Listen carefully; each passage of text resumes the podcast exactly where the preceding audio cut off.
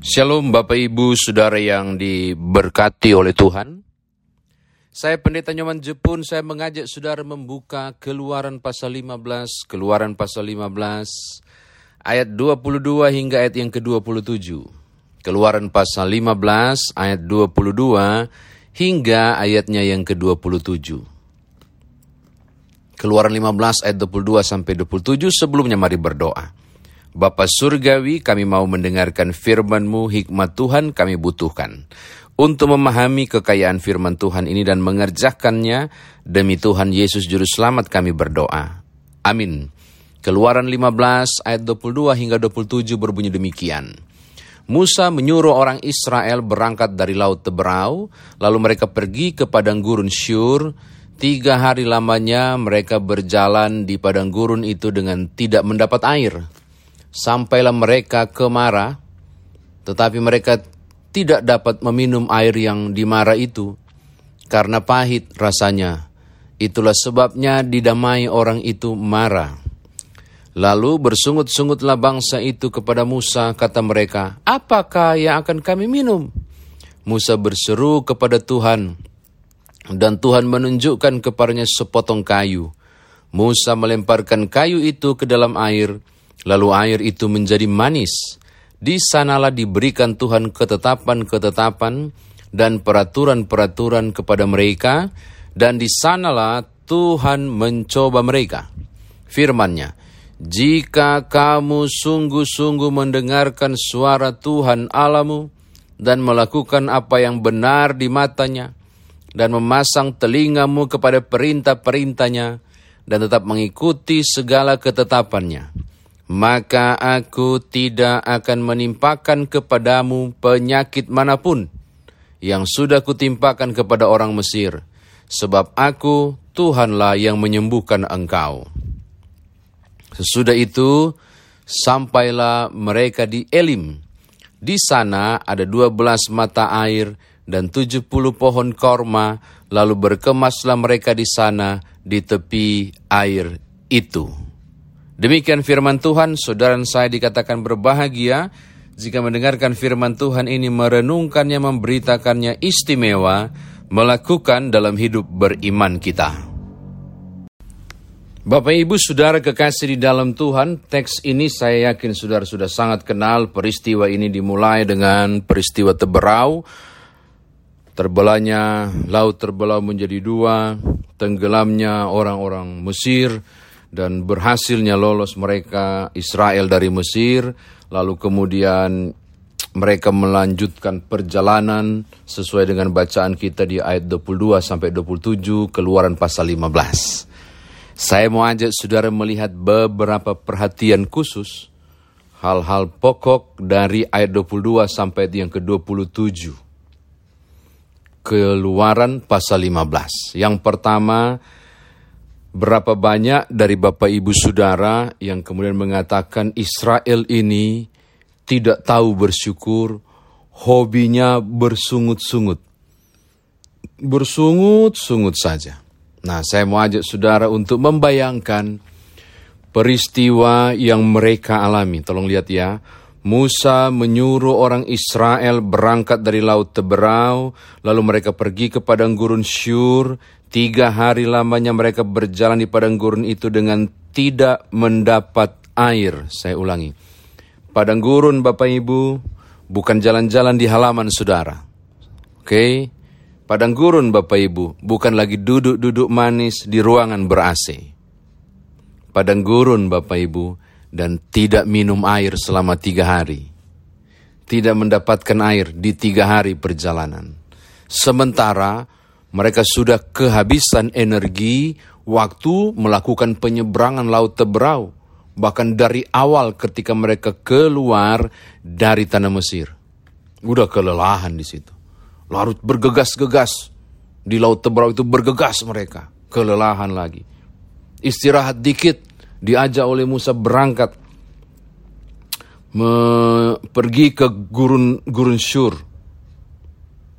Tidak ada air saya mau katakan, jika saudara di situ, bersungut enggak? Bapak ibu saudara sedang mandi saja, air pam mati, Saya yakin saudara bersungutnya luar biasa. Apalagi masih ada sabun atau sampo di kepala. Bersungut enggak? Kok bisa sini ah, masih mandi bla bla bla bla. Kenapa Bapak Ibu saya mau angkat ini? Saya mau bilang manusiawi itu bersungut. Manusiawi. Kehausan, kelelahan, secara emosional jadi tidak stabil. Lalu bersungut. Bagi saya itu manusiawi. Dan parahnya Bapak Ibu, parahnya. Pas sampai di Mara, mereka senangnya luar biasa karena ada air. Eh, pas mereka kecap, wih, pahit banget. Wah, wow, bersungut-sungut terjadi. Lu Bapak Ibu bayangkan, udah sangat haus, akhirnya kelihatan air, setelah diminum ternyata airnya bukan apa-apa, air pahit. Air pahit. Dalam bahasa Ibrani itu maura, makanya tempat itu disebut mara. Maura, maura itu pahit. Maura nggak bisa diminum, otomatis mereka bersungut-sungut. Mereka bersungut-sungut. Mereka bersungut-sungut banget. Karena kondisi itu ah, menggeramkan waktu itu. Jadi ketika saudara masuk dalam teks ini saya berharap pikiran saudara terbuka. Sebenarnya Israel yang bersungut ini mewakili Bapak Ibu dan saya ketika ada di kondisi kritis. Krisis luar biasa. Itu bisa memancing emosi. Tidak stabil lalu bersungut. Ini hal pertama Bapak Ibu ya. Yang kedua Bapak Ibu Saudara. Apa reaksi Musa mendengar sungut-sungut itu? Itu dari kata sungut itu liin. Kata liin itu berarti mengucapkan kata kata kasar dan membandingkan keadaan sebelumnya dengan nada yang marah. Coba tahu begini, kami tidak berangkat dari Mesir, masih lebih enak Mesir. Kira-kira itu arti-arti sungut-sungut karena pada membangkit-bangkit pada masa-masa lalu. Coba lihat, apa apa gunanya kami jalan di sini itu membangkit-bangkit juga kata liin. Nah, catatan kedua, apa reaksi Musa mendengar sungut-sungut? Nah, ini menarik Bapak Ibu. Musa nggak balik untuk bersungut juga. Kau kira enak pimpin enam ribu kepala angin seperti kau. Ini baru enam ribu laki-laki ya. kan enam ribu laki-laki yang keluar kan. Baru laki-laki loh Bapak Ibu. Kalau dikalikan tiga itu berapa? Enam kali tiga delapan belas. Delapan belas ribu. Banyak ya. Satu orang pemimpinnya Musa. Kalian sungut-sungut saja. Kalian kira gampang. Mau arahkan kalian dan kendalikan kalian yang kepala batu seperti ini lebih enak. Saya ke Yitro saja. Saya ke kampung halamanku saja. Bersama keluargaku daripada dengan kalian. bisa saja. Bisa saja sungut-sungut Israel dibalas oleh Musa dengan sungut-sungutnya juga. Karena banyak hal yang dia pertaruhkan juga tuh. Keluar dari kerajaan loh dia Bapak Ibu. Banyak hal yang dia pertaruhkan. Tapi apakah benar sungut-sungut Israel dibalas oleh Musa dengan sungut-sungut juga? Tolong lihat ayat 25 ini reaksi Musa. Mendengar sungut-sungut Israel, ayat 25 lihat. Musa berseru-seru kepada Tuhan. Nah, berseru itu bukan liin dia pakai. Jadi bukan bersungut terjemahnya. Dia berseru, oh Tuhan tolonglah. Susah saya ini, kepala angin mereka Tuhan. Aduh kami kehausan, tolonglah kami kehausan. Itu mungkin kata berseru. Berseru-seru. Hal kedua saya tertarik adalah Musa tidak terpancing emosinya. Di bagian ini. Di bagian ke depan ada toh? Nanti. Ini dia tidak terpancing. Dia membalas sungut-sungut Israel dengan tikang lutut. Berseru kepada Tuhan, Tuhan tolonglah kami. Aduh sudah sangat kehausan. Tidak ada air, ini pahit semua Tuhan airnya. Barangkali begitu. Israel bersungut dan marah-marah kepada Musa. Musa datang kepada Tuhan berseru minta belas kasihan. Ya ini menarik. Ini yang dilakukan oleh Musa. Itu hal yang kedua. Yang ketiga, ah, ini Bapak Ibu luar biasa. Apa yang dibuat Musa? Apa yang dilakukan oleh Musa? Eh, maaf, apa yang dilakukan oleh Tuhan mendengar seruan Musa? Bukan mendengar sungut-sungut Israel. Apa reaksi Tuhan mendengar seruan Musa? Jadi Israel bersungut bukan Tuhan jawab. Tuhan tidak menjawab sungut-sungut Israel. Tuhan bereaksi dan menjawab seruan Musa. Apa yang Tuhan buat ketika Musa berseru minta tolong? Kayu Bapak Ibu. Tuhan bilang ada kayu di sana Musa. Dari kata ates. Ates itu berarti kayu betul, tapi juga batang atau ranting pohon. Maksudnya yang sudah lepas dan batang atau ranting pohon yang mati lah barangkali ya sudah tidak ada tumbuh, tidak bertumbuh lagi, sudah tergeletak di tanah. Bisa juga dengan kayu, pegang dengan tangan, dia taruh di air pahit itu. Apa jadinya Bapak Ibu? Manis, berubah manis. Uh, saya senang bagian untuk berkata kepada saudara, air itu pahit. Maka kalau air pahit tidak bisa diminum. Supaya bisa diminum Tuhan bikin apa? Tuhan bikin seharusnya jadi tawar alias normal untuk bisa diminum. Ini tidak saudara. Air pahit, Tuhan bukan ubah jadi air tawar. Tapi Tuhan ubah menjadi air manis. Ini melampaui ekspektasi para pesungut-pesungut itu. Pikiran mereka barangkali, kami akan dapat air minum dari Tuhan. Air tawar karena ini pahit. Eh, ketika mereka kecap justru manis. Apa maksudnya? Melampaui Tuhan menyediakan melampaui yang mereka butuhkan, melampaui dari mereka pikirkan. Kurang baik apa itu Tuhan? Dalam kepahitan itu Tuhan mengubah itu menjadi manis yang luar biasa. Dikecap menjadi manis. Itu Bapak Ibu Saudara. Ini hal kedua, ketiga yang saya mau katakan. Bahwa Allah menyediakan melampaui apa yang kau perlu. Oke. Okay? Selanjutnya. Tolong lihat ayatnya yang ke-26. Jika kamu sungguh-sungguh mendengar suara Tuhan Alamu dan melakukan apa yang benar di matanya dan memasang telingamu kepada perintah-perintah yang tetap perintahnya dan tetap mengikuti segala ketetapannya, maka aku tidak akan menimpakan kepadamu penyakit mana pun yang telah kutimpakan kepada orang Mesir. Wah, ini ajaran penting di perjanjian lama. Jika engkau baik-baik, jika engkau taat, jika engkau dengar-dengaran, maka aku akan menjagamu, maka aku akan melindungimu, maka aku akan menjaga keluar masukmu. Ini teologi perjanjian lama jelas sekali Bapak Ibu ya. Jika engkau setia, jika engkau taat, aku akan memberkati engkau. Aku akan menjagamu, aku akan menjaga keluar masukmu. Tetapi syaratnya harus ada ketaatan. Tanpa ketaatan tidak ada berkat. Tanpa ketaatan tidak ada perlindungan. Tanpa ketaatan tidak ada pendampingan. Itu ayat 26 mau bilang begini. Seakan mau mengatakan berhentilah bersungut. Berhenti merasa tidak puas.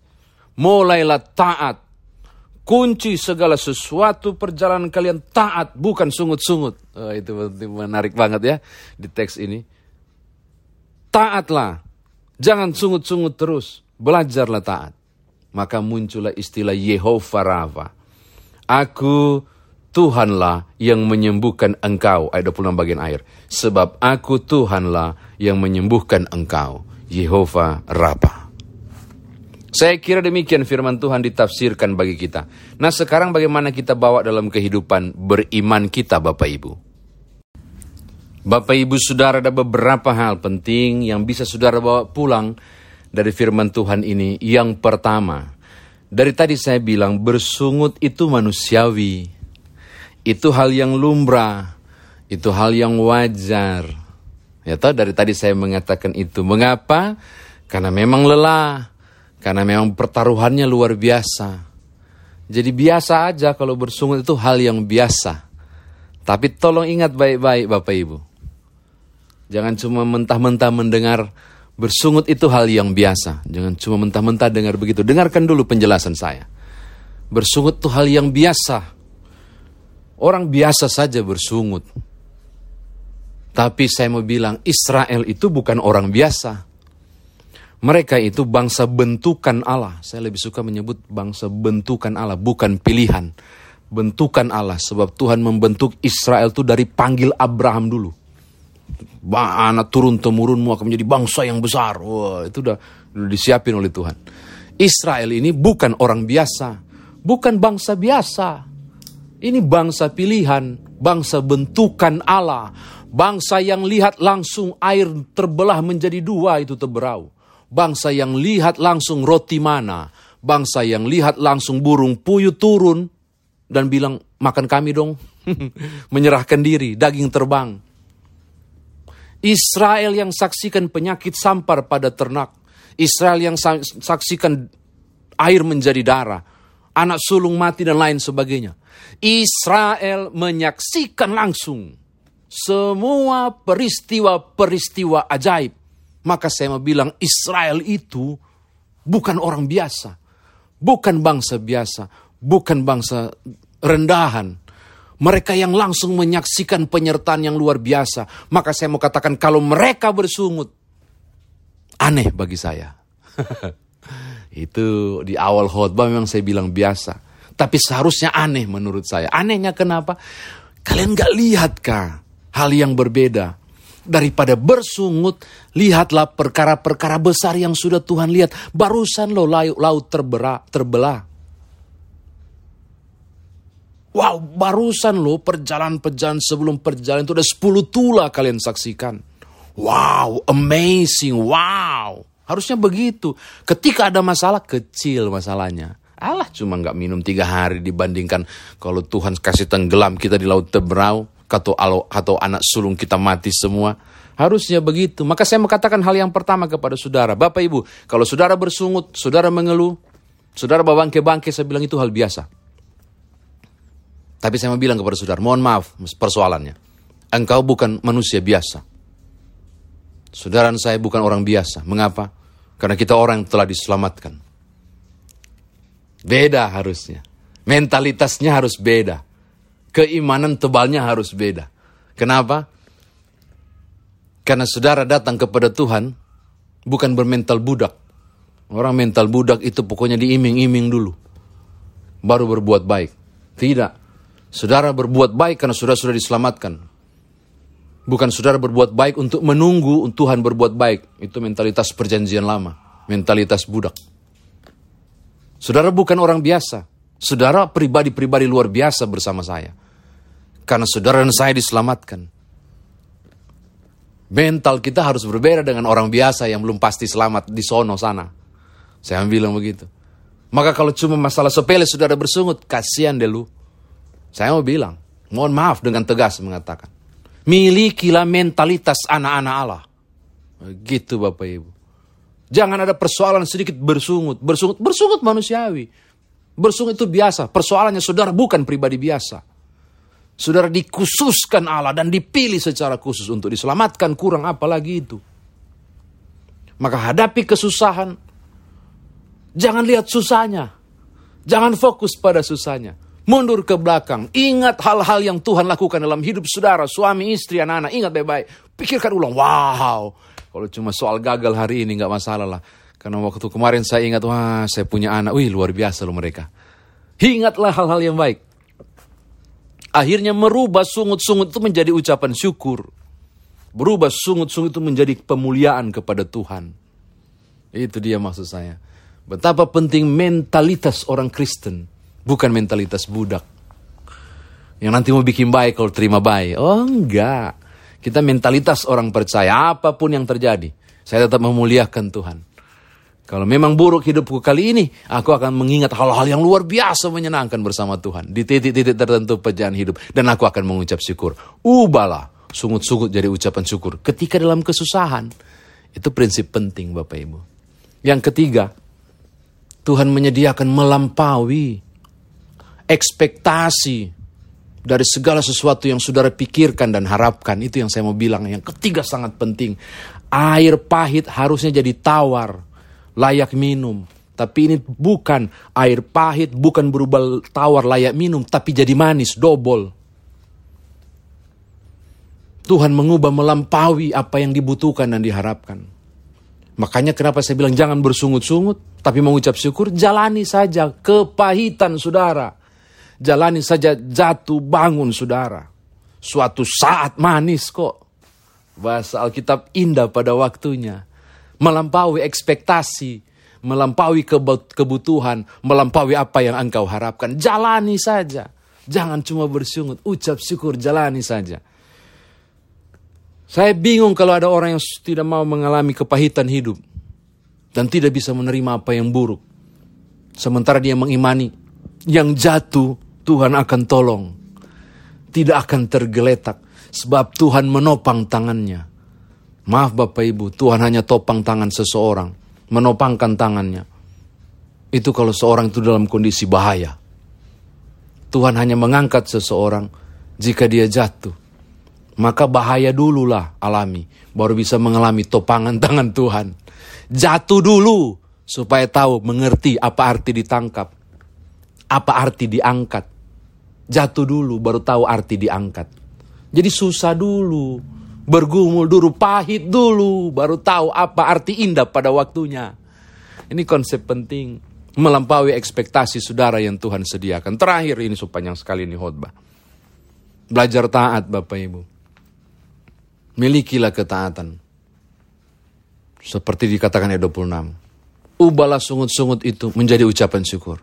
Tapi juga menjadi ketaatan. Belajarlah taat. Nerimo Belajarlah taat. Terima apa adanya. Percayalah rancangan Tuhan itu bukan kecelakaan. Ujung-ujungnya kanaan kok walaupun tunggu 40 tahun. Tetaplah taat.